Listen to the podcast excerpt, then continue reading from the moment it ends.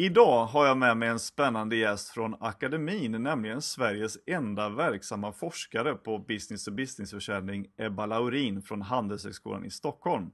Och med forskningsområden som både ställer frågor om och hittar svar på vad som krävs i kundrelationer och av oss som personer för att strategiskt nå framgångsrik försäljning så är det en ära att få ha med dig i Säljpodden och berätta om detta. Så välkommen till Säljpodden Ebba!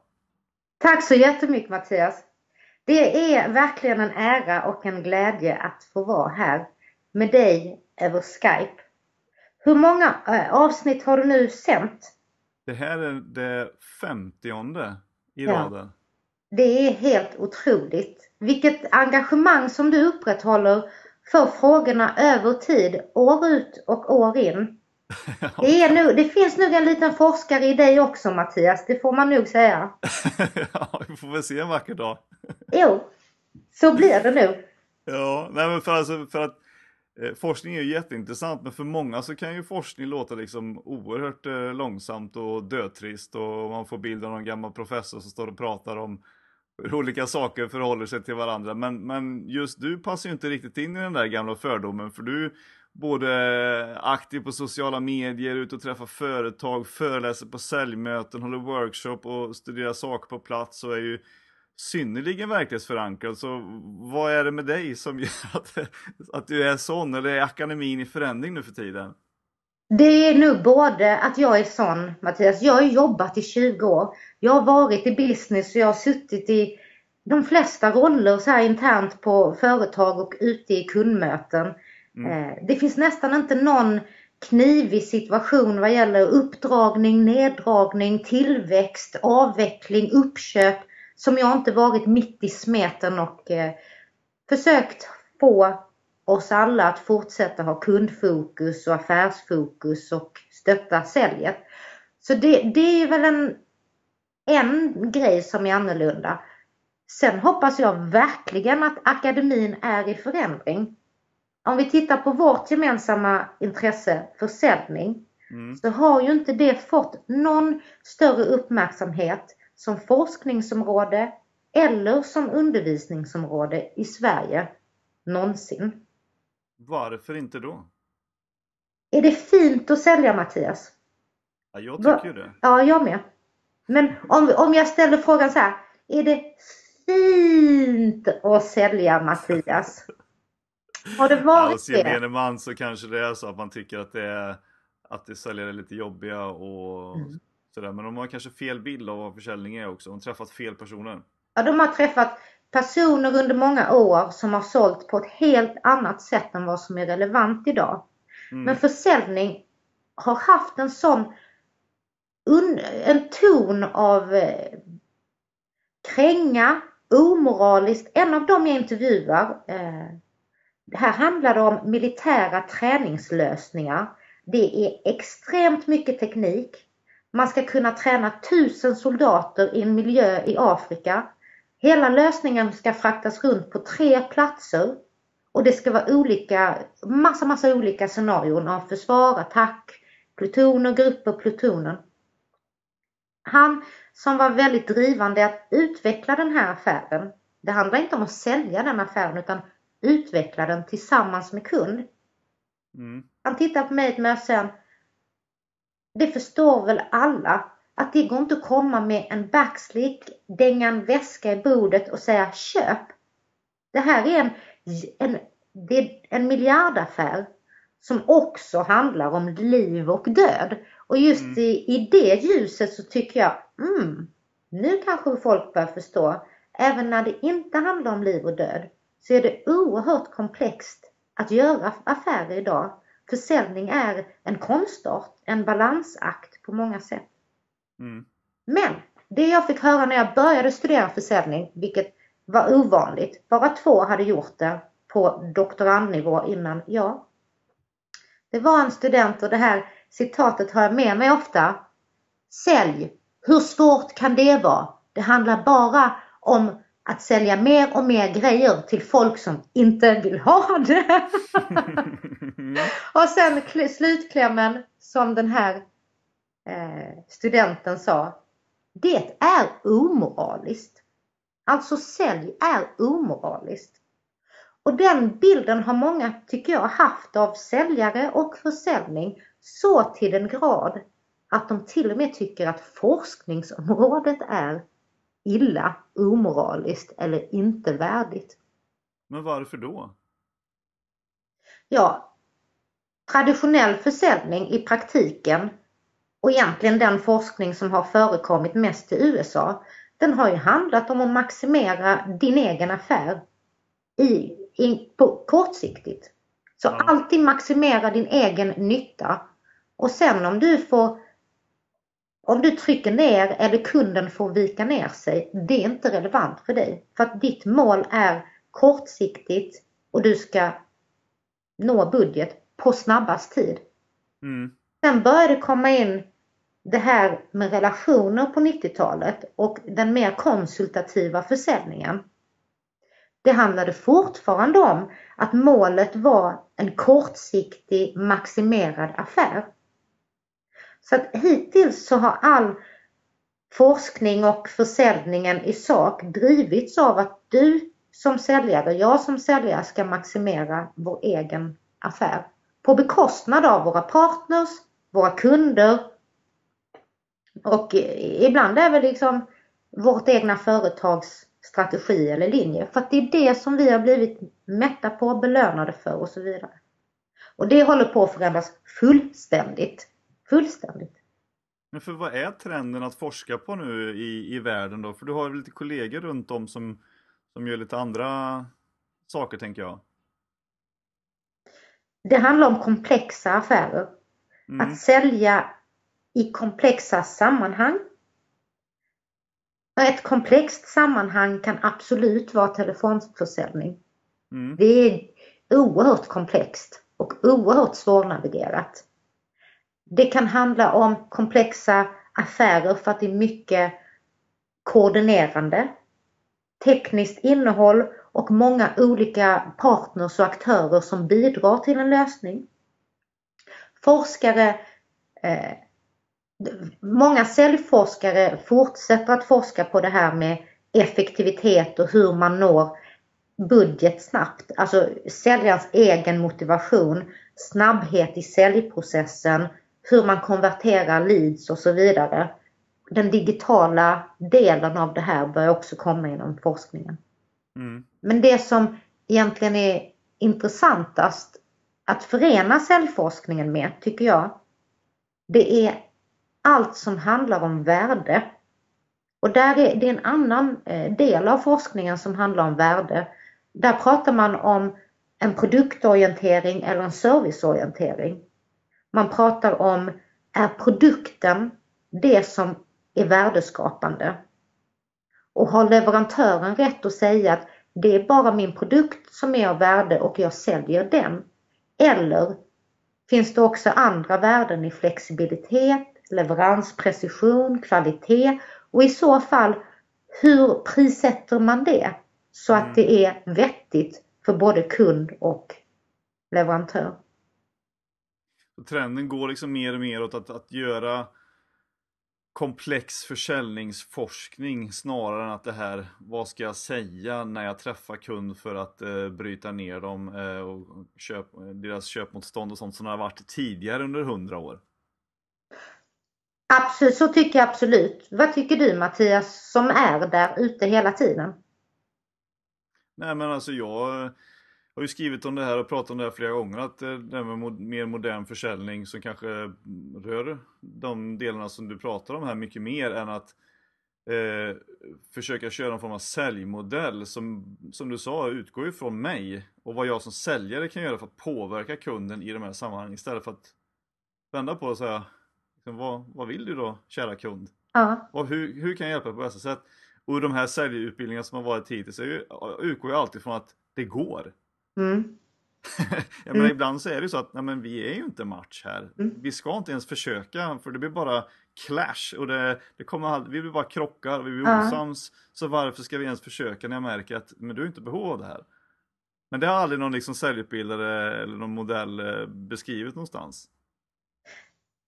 Det är så klokt. Tycker jag. Så, så klokt. För att om det inte finns ett klimat och ett, ett intresse, en nyfikenhet och en ömsesidig omsorg att vi faktiskt gör affärer tillsammans. Det här har ju heller inte forskats på förutom egentligen när jag studerar nyckelkunder. Mm. Det är att välja bort kunder, också nyckelkunder. Nyckelkunder som genererar affärer kortsiktigt idag. Ja, om det är det här egentligen eh, lite kniviga relationen och faktiskt ingen match i relationen. Det kan vara det i köpet, i transaktionen. Mm. Så backa hem. Backa hem och tänk att det kanske inte är en nyckelkund om ett år eller två år. Gör det snyggt, elegant, men satsa inte på kunder eller kundrelationer där ni inte matchar. Det enda relationen vi kan hålla på så med, det är med våra barn. vi bråkar och de bråkar och eh, vi släpper aldrig dem eh, förrän det är läge liksom. Mm. Det är de relationerna, det är med familjen man ska göra så. Man ska eh, erkänna att nu är det inte någon match mellan syster och bror eller mor och dotter och då backar man hem men man släpper inte taget. Mm. I, I affärsrelationer så finns det ingen anledning att slå pannan blodig för att få till en god relation. För att det finns så många andra som du kan ha som kunder, faktiskt. Och det finns så många andra leverantörer som kunden kan välja. Så gör det snarare än att stånga dig blodig. Så skulle jag säga. Och det, det är verkligen tvärtom mot all, eh, som du sa, säljpraktik och säljtankar de senaste hundra åren. Där allting är möjligt. Bara du knackar lite hårdare, lite hårdare, du får in en fot, en tå och så vidare. Det finns ju en anledning till varför termen invändningshantering har uppstått överhuvudtaget. Mm, eller hur? Det är just det här att, ja men nu sa han ju nej, hur ska jag komma runt det här på ett bra sätt? Mm. Men du, varför blev du forskare inom försäljning överhuvudtaget? Ja, det kan man verkligen fråga sig. Det mest uppenbara tycker jag är det är ett fantastiskt intressant ämne. Det förenar allt som är spännande i samhället och i affärer. Människor, våra relationer, teknik, utveckling. Det är liksom det är superspännande som område. Men sen var det också att jag började göra mina första affärer. Jag kommer ihåg det som nog var min första affär när jag var 4-5 år på dagis. Då var det en eh, pojke som hans farmor hade sytt ett så fantastiskt gosigt gosedjur av hennes gamla minkpäls. Det var så politiskt inkorrekt men den var ju så fruktansvärt gosig. En säl. Ganska stor. Och han liksom förklarade ganska ingående så att han gillade den men det var inte hans farbror sådär och det var hans farmor som hade gjort den så. Det var lite speciellt och jag ville verkligen ha den. Jag ville så gärna ha den. Och så började vi prata liksom. Vad ville han? Vad skulle den kosta? Och så sa han något i häraden. Vilket är liksom på 70-talet var detta jätte, jätte, jätte, jättemycket pengar. Han ville ha typ 10 kronor. Mm. Och nej, det det fanns ju inte. Jag har aldrig ägt 10 kronor. Ingen av oss hade ägt 10 kronor. Mm. Nej, det, det kan jag ha inte det. Och så började vi prata. Så vad var det han egentligen ville? Han ville ha 10 kronor. Eh, men han ville liksom känna sig rik. Han ville känna sig rik. Kunde jag uppnå det så skulle jag få hans gosedjur. Absolut. Eh, så efter några veckor när vi förhandlade så här. Så kom jag på att jag hade löst, jag hade fem eller sex spänn. Och så hade jag en lös tand. Så att jag sa, eh, det, det är en tidsfråga nu. För att du får mina fem eller sex spänn och sen får du min tand. Eh, och då kommer du casha hem på den för att tandfen vad, brukar ni, vad brukar hon ge dig eh, ofta så här, Ja, vi var kanske fem och ett halvt. Man hade tappat någon tand, så här, inte så många. Så man var inte blasé utan det var fortfarande en jättestor grej. Nej, och då kom vi fram till att eh, han tyckte absolut det var värt det. Så vi, eh, det tog någon vecka till och sen gjorde vi en deal. Jag fick, han fick fem, sex spänn och en, en tand och jag fick gosedjur. Och det är liksom jag kommer tillbaka till det för att jag tycker det är verkligen försäljning i ett nötskal. Det är relationer, det är att lyssna och det är liksom en del från den gamla skolan. Man ska inte ge sig för lätt heller. Det fanns ett bra förhandlingsklimat. Vi ville bara hitta detaljerna. Och det gjorde vi då. Men sen hade jag en modig eh, professor i inköp han hade, fick den första professuren i inköp i Sverige, Björn Axelsson. Och han var ju liksom på väg eh, att bli professor emeritus, pensionera sig från undervisningen och doktorandhandledandet. Och i denna fasen så säger han, jag vill, att, jag vill ta in en doktorand som studerar försäljning. Vi har inte mm. gjort det till närmelsevis tillräckligt så den här eh, professorn finansierade mina studier och sen har många som är runt hans generation, alltså runt 70 år, de har verkligen stöttat min forskning. Lär dig om försäljning Ebba, det är superintressant. Det här behöver vi förstå mycket, mycket mer av.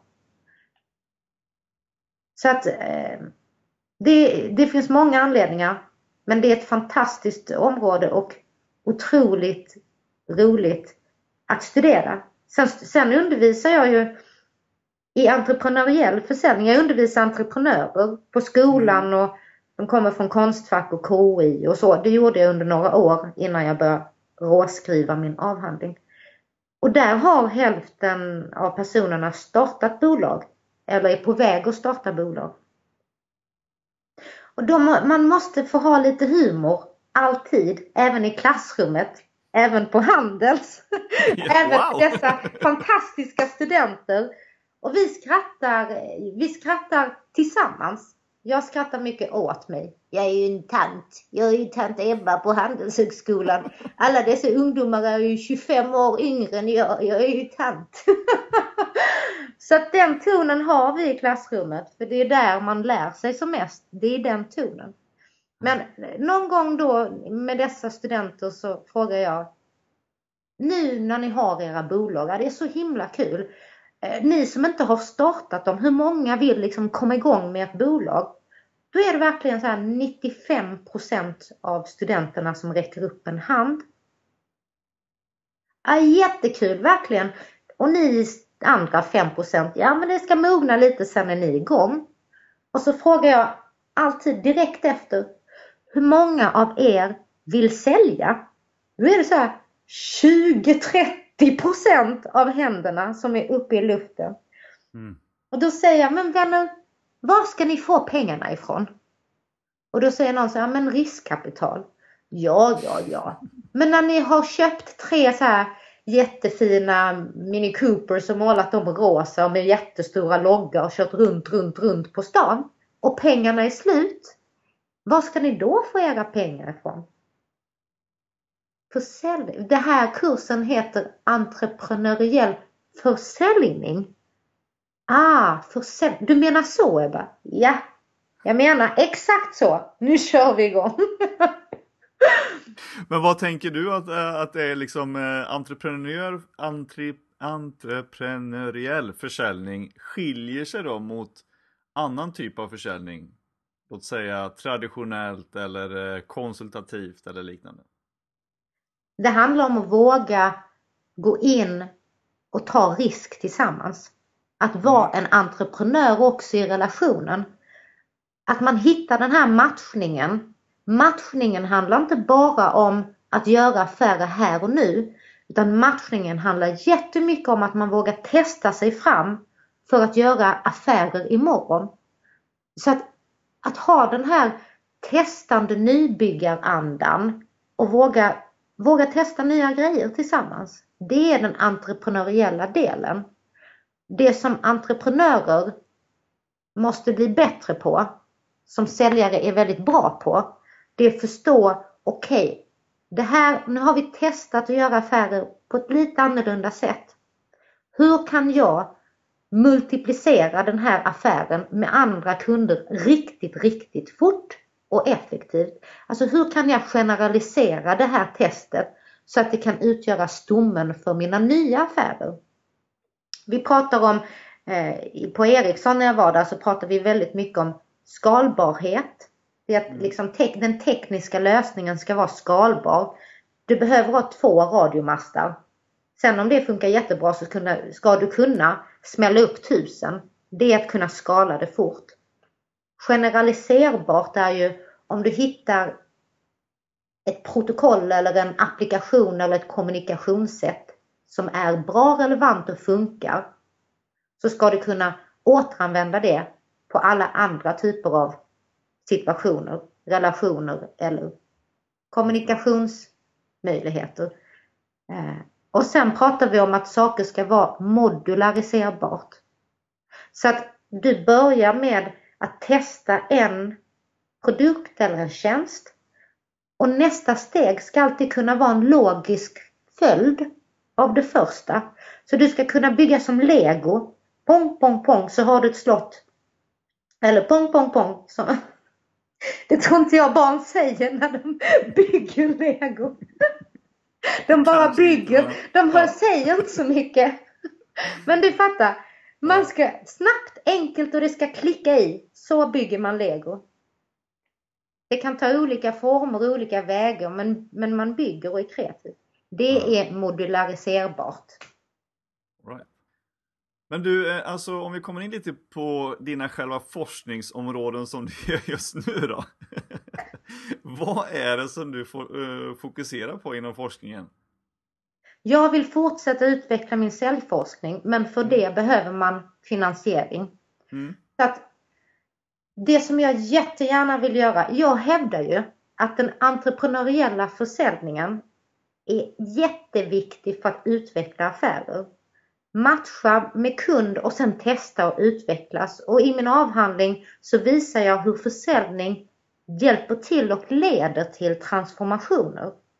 Från just det här produktorientering, kost, alltså transaktionskostnader, prissättning per enhet, volymer till tjänster, paketering av lösningar och andra värden.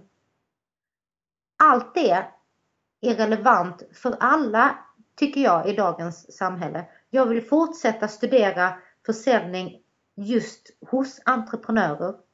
Jag vill fortsätta studera hur den mellanmänskliga försäljningen samspelar med den digitala. De företag som startas nu, de tänker ju digitalt först. För det har vi mm. gjort i många år nu. Mm. Jag vill fortsätta att studera. Jag har en tanke.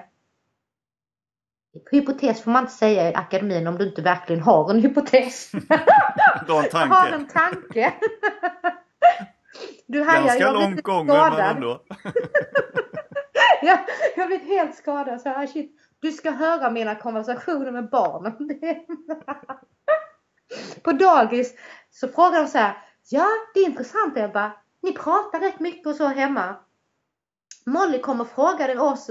Ursäkta, kan du konfiskera den här leksaken? För vi barn kan inte hålla sansade. Då var hon typ tre, fyra år.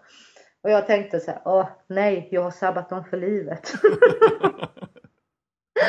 Men för att återgå till din fråga. Vilket var vad då? ja.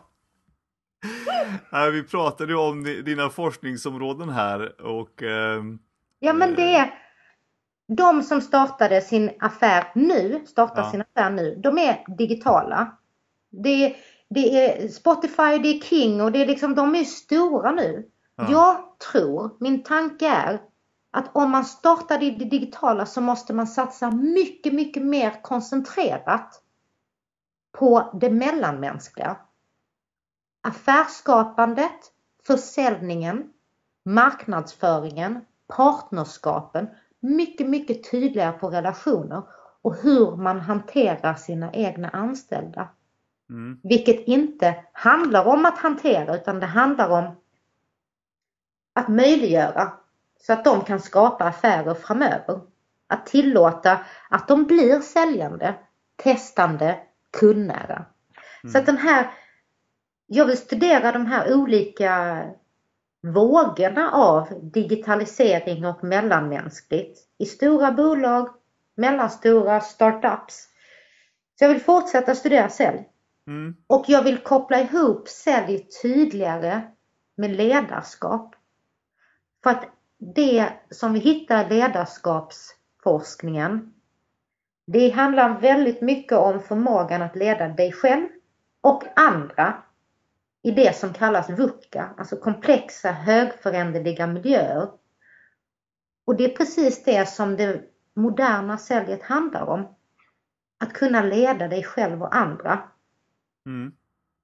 Ja, för att om man tänker på liksom de inlägg och sånt som du gör på LinkedIn så, så pratar du ofta, eller många gånger om, om det här begreppet VUCA då, eller VUCA. Mm. Kan, vi, kan vi prata lite om vad det egentligen innebär och vad företag och säljare kan ha för nytta av det, eller hur man ska kunna förstå det begreppet och utveckla sig där? VUCA, absolut. För det första så är det viktigt att förstå att VUCA är inte bullshit. Och det är inte en fin term. Utan VUCA står för volla, det är engelska och vi ska bolla upp lite svenska begrepp snart. VUCA står för volatility, volatilitet eller instabilitet, uncertainty, ovisshet, osäkerhet, complexity, komplexitet. Och alla i Sverige säger så här, ja, ja, men vad är det egentligen? Komplexitet. Det är när massa, massa faktorer, aktörer, processer har samband som du inte vet om. Du mm. kan bara se vissa samband på ytan, vissa trådar, men det finns massa dolt bakom som du inte har kontroll över. Och den sista, ambiguity. Och det handlar om att det finns alltid flera perspektiv på en och samma sak mångfald, mångfacettering, olika tolkningar, tvetydigheter. Och, vad, vad, och det är en militär term från början som används för att beskriva en helt ny typ av krigsscenario, krigsföring, än kalla kriget. Mm. Det vi ser idag är signifikant annorlunda än kalla kriget. Och de använder det, vad jag förstår, men jag har precis börjat undersöka saken på riktigt. De använder den i sin officersutbildning vid West Point i USA. Mm. Det vi vet är att VUCA fick ett eh, uppmärksamhet genom några få artiklar i tidningen Harvard Business Review. Som är eh, management, strategi, organisation och ledarskapstidningen med stort T. Mm. Där handlar det om just om strategier om HR-strategier, rekrytering och ledarskap. Varför är, det, varför är VUCA relevant för dig och mig? Eller någon annan, oavsett funktion eller roll? VUC, essensen av VUCA handlar om, nu tycker jag att du ska säga din analys av VUCA, för att den var extremt relevant när vi pratades vid för en stund sedan också. Ja. Berätta, om, berätta om din take på VUCA och sen ska jag fylla i lite. Nej men det är ju någonstans så tänker jag att det är att, att uh, ja, be prepared for the unprepared. Alltså att vara förberedd på saker och ting fast det kan vara kaosigt. Uh, det kan vara saker som inte är på plats. Det kan vara, man vet inte exakt hur saker och ting kommer bli när man gör det men att det ändå finns en förberedelse för saker Eh, Eh, i någon form av organiserat kaos. Precis så. Precis så. Och då kan man ju ställa frågan om, om, om du går till jobbet och är helt på det säkra exakt vad som kommer ske den dagen. Eller den veckan. Eller den månaden. Och du vet exakt vad ni kommer vara om ett år. Vilka som är med, vilka kunder som har signat vad, vilka affärer du har gjort och vilka du har på gång. Då behöver vi inte alls prata VUCA. Någonsin. Nej. Men om det finns en osäkerhetsgrad i detta, om du kommer på morgonen och det finns en osäkerhetsgrad i vad du kommer se, höra och uppleva under en arbetsdag. Vilka beslut du kommer behöva ta eller backa hem från eller omförhandla. Då ska vi börja prata VUCA. För det handlar precis som, precis som du sa om förberedelser och just att vara förberedd på det oväntade. VUCA är det var någons kund som, som avslutade när jag hade haft en föreläsning, egentligen inte specifikt om VUCA, men om mm. försäljning i komplexa sammanhang. Vdn sa, ja, vi är alla rätt inspirerande och ganska rädda. och då säger jag, var inte rädd i VUCA när ni gör affärer. Var förberedda. Var förberedda, mm. men var inte rädda. VUCA är när det är kaos så finns det också massa möjligheter. Jag slänger ut legogrejen igen för att den är nära till hands, alltså fysiskt nära till hands för att det ligger en hög på golvet. Släng ut en hög med legobitar och sen ta bort alla skärmar från barnen. Då får vi se vad som händer. För att någonting extremt coolt kommer hända. Det här kreativa att kunna realtidsorganisera sig själv, det man håller på med och ha, ha någon typ av plan för framtiden. Det är att föra sig i VUCA. Och VUCA kräver lika mycket förankring. Det är paradoxen här. Du måste veta var du kommer ifrån och veta vad din strategi är och veta vad du vill. Men du måste vara 100% flexibel och förstå vilka actions bidrar till den strategin. Och det kan vara interaktioner, affärer och händelser som ligger långt utanför. Det kan vara de, eh, när man är ute och pratar om sin nya, nya affär eh, så tar man inte oftast eh, kundmöten. Man är ute och berättar, nätverkar och influerar. Mm. Det kan man göra på LinkedIn. Du kan också se till att du går på samma cocktailfest, det gör inte jag. Jag går inte på cocktailfester men om man orkar det eh, och behöver det så se till att ni går på samma bjudning som de som är kund och har inflytande över kundens beslut. Se till att ni träffas och kan prata om affärer. Eh, VUCA är det här också Mattias, att vi som är i VUCA, som gör affärer i VUCA, oftast så är det ju personer som, som har egna bolag och som, som inte har tryggheten av en anställning. Som förstår VUCA väldigt intuitivt. Vi är alltid redo att prata affärer. För att det är också det är vårt livsvärv och det är vår glädje och det är vår utmaning. Så att det är VUCA.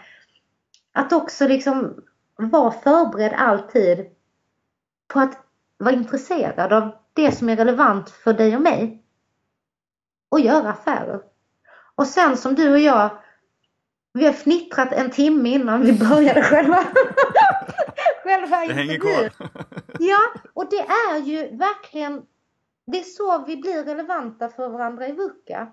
Det är när vi utsätts under hård press, konkurrens, disruptiva affärs nya konkurrenter med disruptiva affärsmodeller mm. som man kallar det. Mm. Det är att vi också kan sätta oss tillsammans och garva åt en stund. Vi förlorade, vi förlorade en miljardaffär till vår rival för att vi blev lite fat and happy. Åh gud, vet du vad vi måste göra? Nej, vi måste gå och köpa en prinsesstårta och dela den rakt av för att så fat and happy som vi är nu Det får vi aldrig vara framöver. Så nu käkar vi prinsesstårta. Mm. Det gäller att ha kul. Men, men, är det svårt tror du för säljare då som är anställda på bolag att eh, implementera VUCA i sin tankesätt liksom och arbetssätt? Jag skulle säga att det är svårt för alla om man inte blir tränad i VUCA. Mm. Det jag gör nu det är att håller föreläsningar och workshops naturligtvis om strategiska kundrelationer och mina modeller som är, handlar om försäljning. Men det som jag gör mest nu det är föreläsningar och workshops om hur man förstår VUCA, vad det är i den realitet som du befinner dig i. Mm. Och mest och viktigast, vad man ska göra. Vad ska man göra när någonting är komplext? Ett, Mattias om du kan ta ett exempel nu, för detta är VUCA, realtidstänkande. Säg en situation i ditt affärsliv som är komplext. Eh, ja, det är ju allt ifrån att få kunderna att förstå till exempel vad det är vi säljer. Mm. Förstå mm. vad produkten kan göra för, eh, för nytta för dem och mm. varför det lönar sig på sikt att investera i olika mm. saker. Eh, likväl som eh, man måste förstå att deras bakgrund, eh, var kommer de ifrån? Vilket, eh, mm. Vilken världsdel eller vilken kultur har de med sig? Eller vilken, vilka bolag har de jobbat på tidigare? Mm. Eller vad är de för roll på den här tjänsten som de är nu? Eh, är de röda, gröna, gula, eh, blåa personligheter om man pratar disk till exempel? Mm. Är, det, är det så att de är lite hetsiga i humöret? Då behöver man anpassa sig då. Och, mm. och vad behöver, det är liksom väldigt mycket i relationer med andra människor som man behöver ta hänsyn till för att det ska kunna funka. Um, det är, det är komplexitet. Kanske. Absolut. Ja. Det är komplexitet. Där har du relationer, kortsiktighet, långsiktighet, värden av olika slag, många kulturer och en pedagogik. Att många ska förstå. Mm. Och då, då menar jag eh, i den komplexa situationen så finns det en eller två tumregler som du alltid kan tillgå som är relevant för dig i din komplexitet med din kund. En sån tumregel kan vara i tekniken så handlar det om vad är er installerade bas? För att om de börjar prata om vad de redan har så blir det mycket lättare att berätta hur det passar ihop med det, det, det jag erbjuder. En tumregel kan vara prata inte. men, ja, men verkligen. En tumregel kan ju vara ställ en fråga. Hur, hur tänker ni runt den här, det här problemet? Eh, som din produkttjänst och så vidare ska lösa. Som är en jättekomplex miljö. Men bara en fråga. Hur tänker ni runt det här problemet? Mm. Så att några tumregler i komplexitet. Det, det vaskar vi fram i den här föreläsningen och workshopen tillsammans. Det spelar ingen roll om det är HR-funktion, de har vi kört med. Strategi, ledning, säljteam.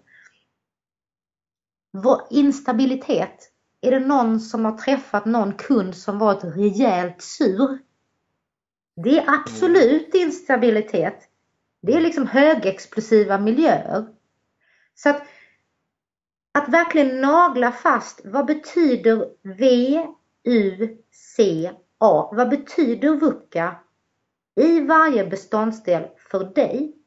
Och sen träna på att sätta ihop dem i olika scenarion. För att VUCA är inte VUCA om inte allt händer samtidigt. Och det är det jag menar att de här Harvard Business Review-forskarna har fel. De säger om du, om du ser instabilitet, växla in på strategi A. Om du ser osäkerhet, växla in på strategi B. Om du ser, du förstår. Mm. Men det är inte VUCA. VUCA är när allt händer samtidigt. Och det, i Sverige pratar jag med business, men jag behåller ju min, mitt intresse för det militära. Dels för att jag är så Tant Eva är så oerhört civil. Jag har aldrig gjort lumpen. Jag är så himla liten. Så att ja, det är som att praoa i en helt ny värld. Ja. Eh, Så den förankringen vill jag fortsätta. Jag pratar gärna och, och återkommande med chefen för svenska armén, Karl Engelbrektsson, just om ledarskap i VUCA. Eh, och sen eh, min, min enda egentligen eh, kontakt med svenska armén innan min forskning var att jag ringde dit dagen när jag fyllde 18. och så sa jag så här, hej jag heter Ebba. Detta är alltså, jag är född 72. Ja. Mm. Eh, Så det var ganska långt innan man tänkte mångfald och båda kön och hela det där i svenska armén. Jag ringde och sa, hej jag heter Ebba Laurin. Ja, jag har pratat mycket med min pappa under åren och, och eh, jag har ändå tagit intryck av det han har sagt. Så att jag skulle gärna vilja göra lumpen. Jag tror att det är karaktärsdanande för mig. Bara det, liksom en, en liten, liten tjej som ringer på skånska och säger att någonting ska vara karaktärsdanande. De var så sköna för de fann sig. Detta är också VUCA. Vad säger man när någon ringer och vill göra lumpen? Ja. 1980 liksom. Vad säger man då? De var extremt coola. De sa ja, intressant Ebba. Får jag fråga, hur lång är du? "Ja, 1,54. Hur mycket väger du? "Ja, 47 kilo. Tyvärr Ebba. Tyvärr, men det går inte på grund av att höjd, höjd och vikt. Så att jag fick inte göra lumpen. Nu hade jag Nej. kanske fått det. Eh, Jag hade fått gå officersutbildning också, det tror jag säkert. Men eh, verkligen, det var, det var ti- tidigare mitt, mitt enda claim to fame med svenska armén. Det var att de sa nej tack, men nej tack. ja, så kan det vara. Det är aldrig för sent i och för sig att sig in på en eh, försvarskarriär kanske. På annat plan. Jag sa det till mina barn när jag hade disputerat. I och med att vi, vi, jag berättar om min forskning, inte de liksom allvarligare, tragiska delarna som också är en del av forskningen i mina fallstudier. Men jag pratar om militärerna och att de tränar. Övning ger färdighet. Övning ger färdighet. Och så skojar barnen och jag. Så de har liksom växt upp med det här också att jag har forskat. Och när jag sa, mina barn är 9 och 5, 9 och 6, Ja. förlåt. Det. Eh, när jag sa så här, nu när jag är klar med skolan så eh, i Sverige så öppnar de upp officersutbildningen för helt nya typer av människor. Jag kanske ska gå i militärskola. Mina barn skrattar så mycket så de nästan kissar på sig. Du mamma, du, nej, skulle inte tro det. Du hittar inte, du kommer hyfsat i tid, det gör du nästan alltid. Ibland har du kläderna bak och fram. Och mamma, man måste väl ändå kunna bära så här vapen och sånt? Ja, ja, ja, ja, det, det är klart. Nej, jag fortsätter kanske inom akademin då. Jag Ja. studiebesök istället. Och då var de jätteschyssta och så sa de, ja mamma, för att du är en rätt bra lärare, är du inte det? Då blev jag jätteglad och sa att jo, det är i alla fall det mina studenter säger till mig, så att det tror jag. Det tror jag unga. Jag är i alla fall en Mm. rätt bra lärare. Ja, det är roligt.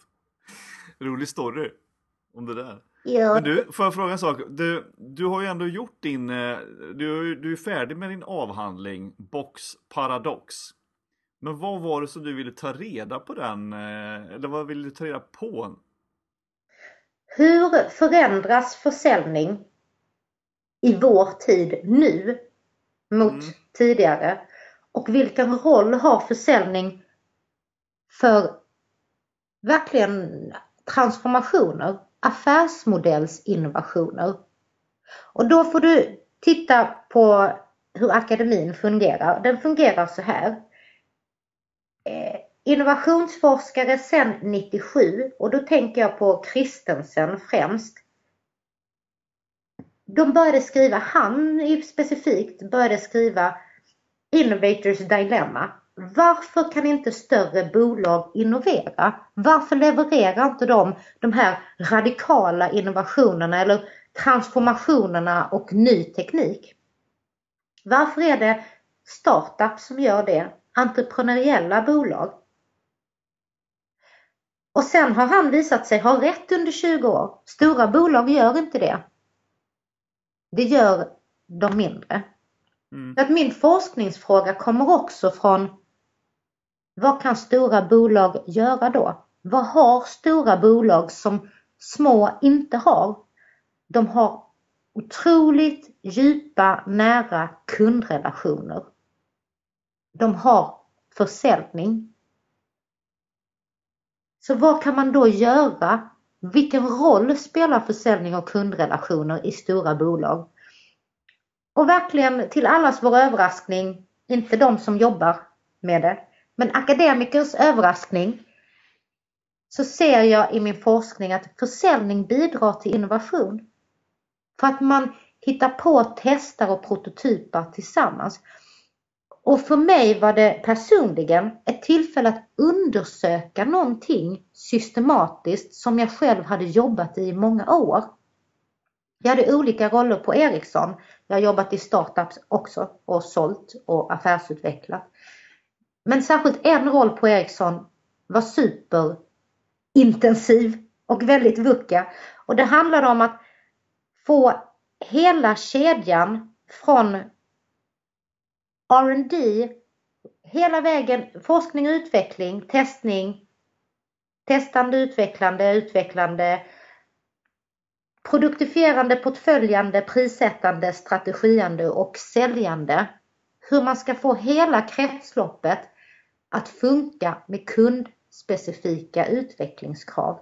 På Ericsson vill man inte ha kundspecifika utvecklingar. Man vill bara ha standard. Mm. Vem drev kundspecifika affärer? Det gjorde försäljning. De var sådana underdogs i den här kunddrivna, jättenära, kundnära affären så att man behövde tillsätta en customization director, en kundanpassningsdirektör och det mm. blev jag.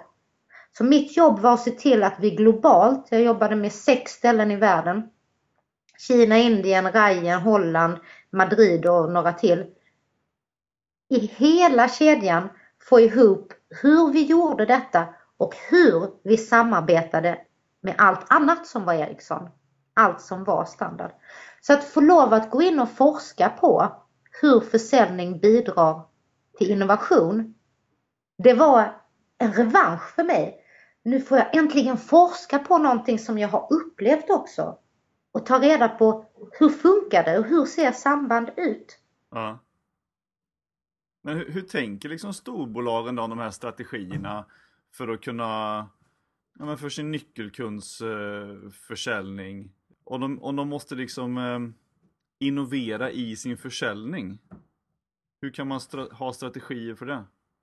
Både stora bolag, men egentligen, jag skulle säga alla bolag som har idag är etablerade.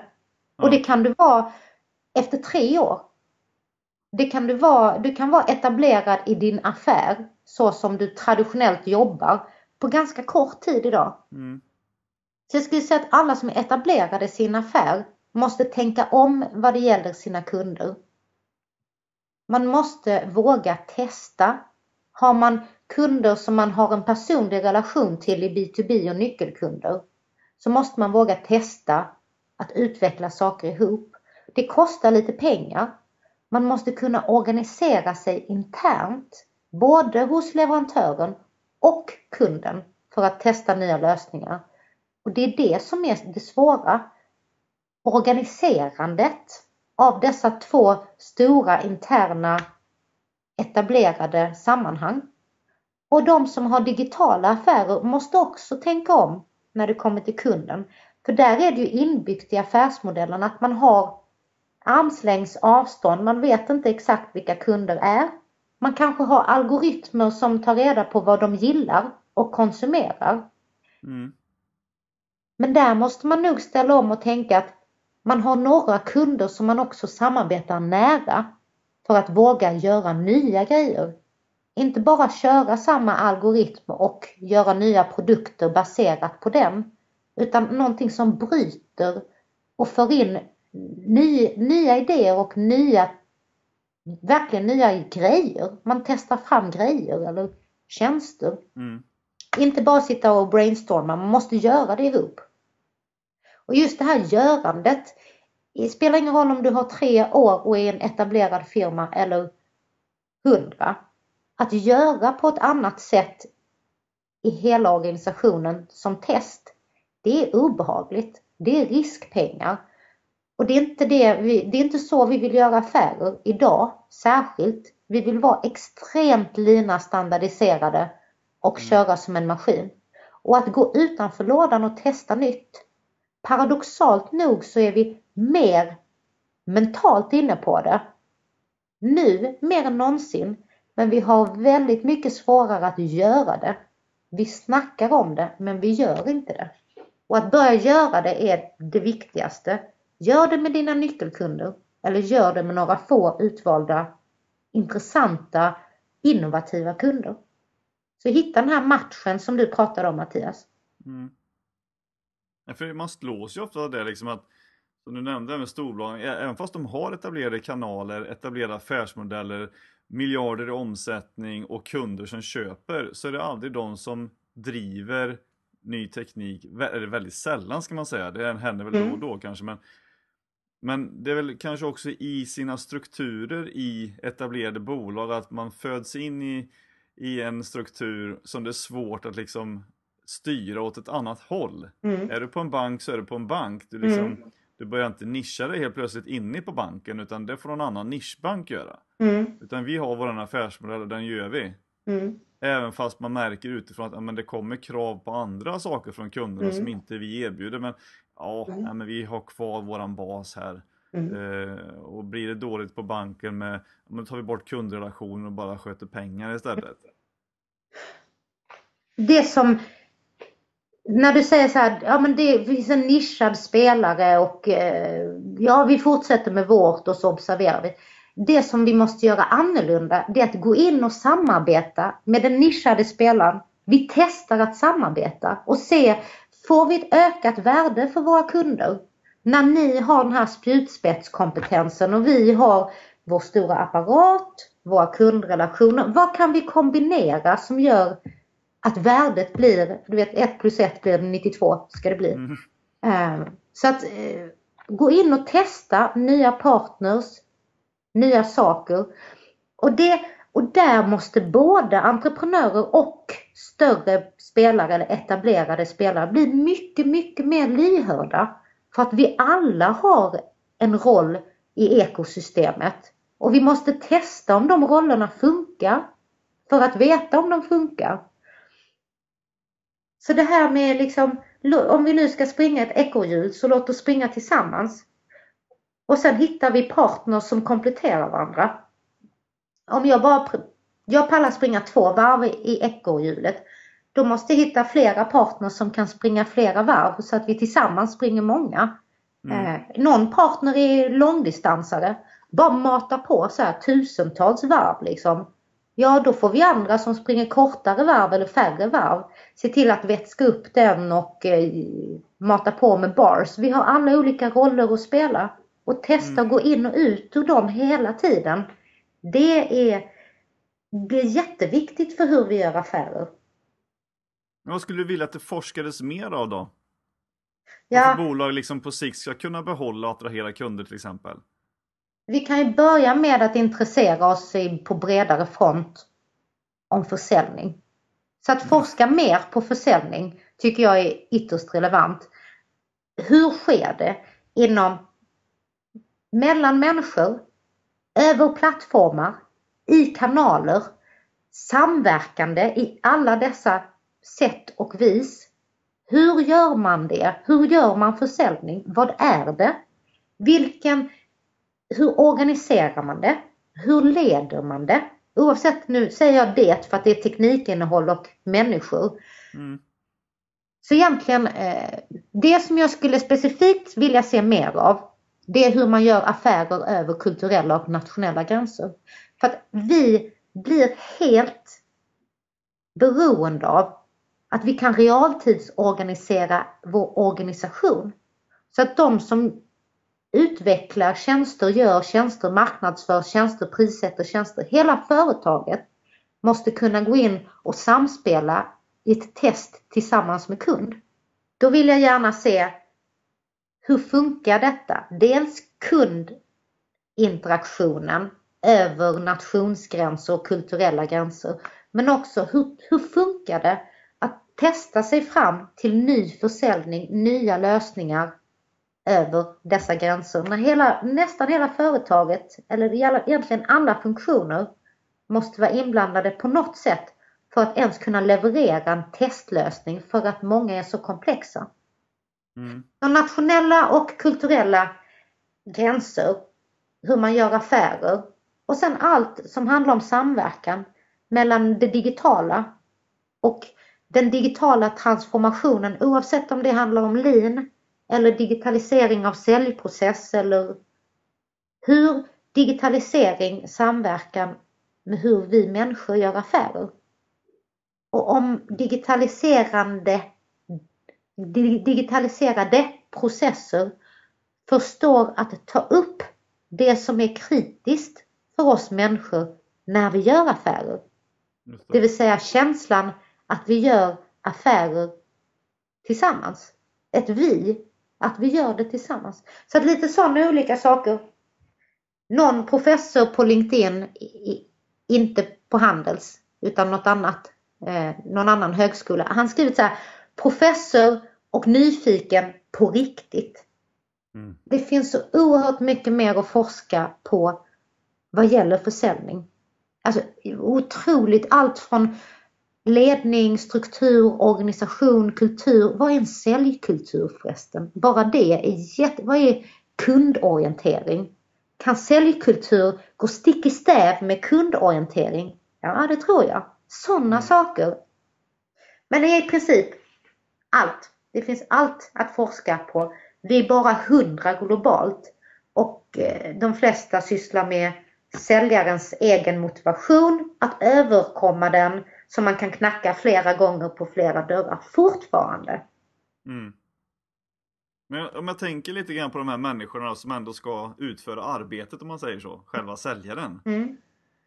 Så har vi ju i den här podden pratat lite grann om man ska kunna till exempel då stoppa fulförsäljning mm. och göra liksom försäljning till något som ändå klingar lite positivt eh, igen. Och, men vad bör man då liksom leta för egenskaper hos eller förmågor hos de här säljarna som ska göra den här nya typen av försäljningsarbetet. För att kunna liksom höja statusen på sälj och få det att kännas att det är någonting bra som händer i de här strukturerna. Det här är kanske en av de viktigaste frågorna vi tar idag Mattias. Så att om du kan inventera hela podden så att vi börjar med den. För att det här är en av de viktigaste, tycker jag, frågorna. Mm.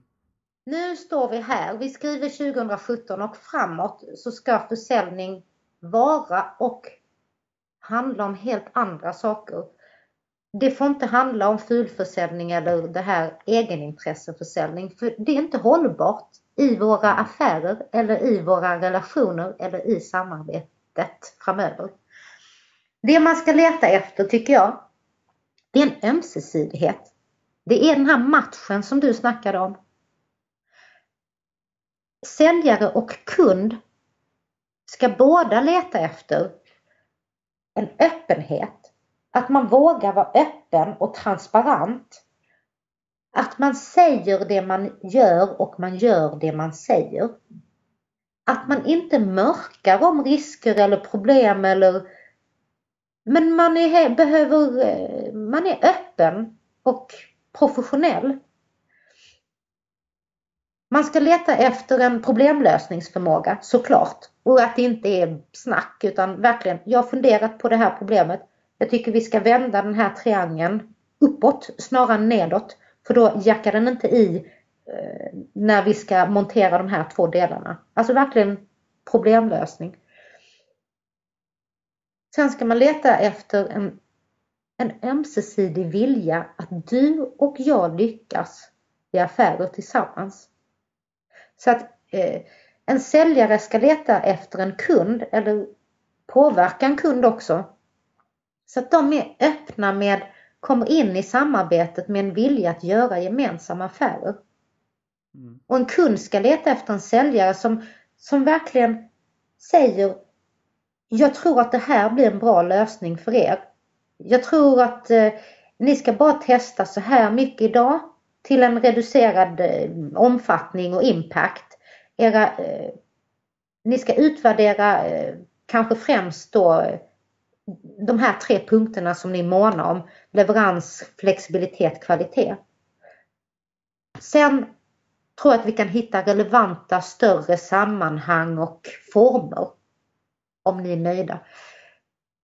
Test, villighet igen, återigen villighet att testa med en ömsesidig respekt för varandras affärer. Mm. Och fulförsäljning handlar ju mycket om det här att kapa åt sig mycket på någon annans bekostnad. När jag frågar ute och frågar så här, säljare men andra. Om du är en riktigt omoralisk säljare idag, hur lång tid tar det innan hela ditt nätverk på LinkedIn, Facebook och kanske Instagram vet om det? Hur lång tid kan det ta? Jag tror Navid sa fem minuter eller mindre. Men låt oss säga, vi som är lite medelålders, låt oss säga att det tar 24 till 48 timmar. Det är alltså helt ohållbart. Du kan ja. inte vara det. Så var inte det. Du ska leta efter någon som är villig att odla ett bra klimat med dig. Sen mm. ger sig detaljerna. Klimatet går före det kortsiktiga, affären, verkligen mm, den här lilla, det lilla kravet. Allt sånt löser sig om man har ett bra klimat. Det är lite som en vanlig relation med en kärleksrelation. En av dem jag intervjuade, precis så är det. Han är en av alltså, de bästa säljarna någonsin i Sverige och också så här styrelseproffs och, och högchef. Han sa, gå inte in i något kundmöte och tänk att det är en dejt eller en flamma. Om du väljer att spendera tid med din kund, ny eller gammal, så har du valt det. Gå in i det mötet och tänk att det är ett äktenskap. Det går upp och ner och det ska kunna hålla över lång, lång, lång tid. Och det innebär att båda parter måste ge och ta. Man måste vilja förstå varandra. Mm. Så är det. Du är ju jättemycket ute och föreläser och håller workshops och så om där du har forskat. Men vad kan bolag få med sig då när de anlitar dig? Förutom allt det vi har pratat om hittills. Ja, konkret handlingskraftig agerande för hur de ska göra när de sätter sig i sin jobbroll en timme efter eller en dag efter. Mm. Vad de ska göra annorlunda för att göra bättre affärer. Också paradoxalt nog snabbare affärer. Men som också är långsiktiga och hållbara. Så att det man får med sig egentligen oavsett om man är chef eller jobbar i, med telefonförsäljning. Det är en, ett lärande så att man förstår vad kan jag göra annorlunda som gör att jag är bättre på det jag gör tillsammans med min kund och har roligare. Verkligen. Och har roligare när det går bättre och har roligare när det går sämre. Det är det man får med sig. Sen mm. absolut, vill man ha mina verktyg och modeller så får de en duvning i det. Det finns några olika att ta av från forskningen. Mm. Men i sak, klimatet, så handlar det om det. Att veta hur jag ska göra någonting annorlunda, vilka sannolika effekter det får. Och att ha roligt medan jag gör det. Mm. Men om man blir lite sugen nu då på så här, åh oh shit, jag måste, Ebba Laurin måste komma hit och föreläsa, hon kan ju precis det här som vi behöver. Hur kommer man då enklast i kontakt med dig? Ja, man kör till, man kör till Norrköping så knackar man på och sen sätter man sig vid din Skype. och sen så ser man till att tant har kommit ihåg sitt lösenord. alltså det enklaste sättet är LinkedIn. För att det är också ja. det säkraste sättet. Sen finns jag googlebart på Handelshögskolan i Stockholm där jag undervisar en del i höst också. Mm. Eh, men jag skulle säga LinkedIn är det säkraste. Jag har märkt att eh, min hemsida som inte är uppe än, den har redan börjat bli hackad och grejer. LinkedIn eller Facebook, men säg gärna att ni inte vill ha någon så annan relation än professionell. Det är så märkliga kontakter som jag får där. Ja men det är underbart. Tack så jättemycket Eva för att du tog dig tid att vara med i Cellpodden och berätta om din forskning. Det är, det är fantastiskt intressant att höra hur modern försäljning och hur akademin tar del av den och siktar in sig på att göra det till någonting bättre hela tiden. Äntligen! Tack så jättemycket Mattias! Det, det har... Vi har haft jättekul! Vi har haft jättekul före inspelning och under inspelning och vi kommer ha jätte, jättekul framöver. För att i Absolut. olika former så matar vi på. Jag hade inte varit någonting om inte du och alla andra som verkligen står för och lobbar för och verkar i det nya säljet hade varit så synliga och gör sig hörda. Jag hade bara varit en liten mossig tantforskare på Handels. Det är ju nu som jag får hjälp av er att bära fram forskningsbudskapet om försäljning. Så att det är verkligen det här tillsammans så har vi en relevant röst som vi kommer behöva mata på över tid om och om och om igen. Men tillsammans så blir det ju mycket roligare. Mm. Så tack så jättemycket till dig Mattias. Ja, tack så jättemycket själv. Ha det så bra nu och lycka till med forskning och föreläsningar och workshops framöver. Tack så jättemycket och all lycka till dig och det dina. Tack. Hej! Hej.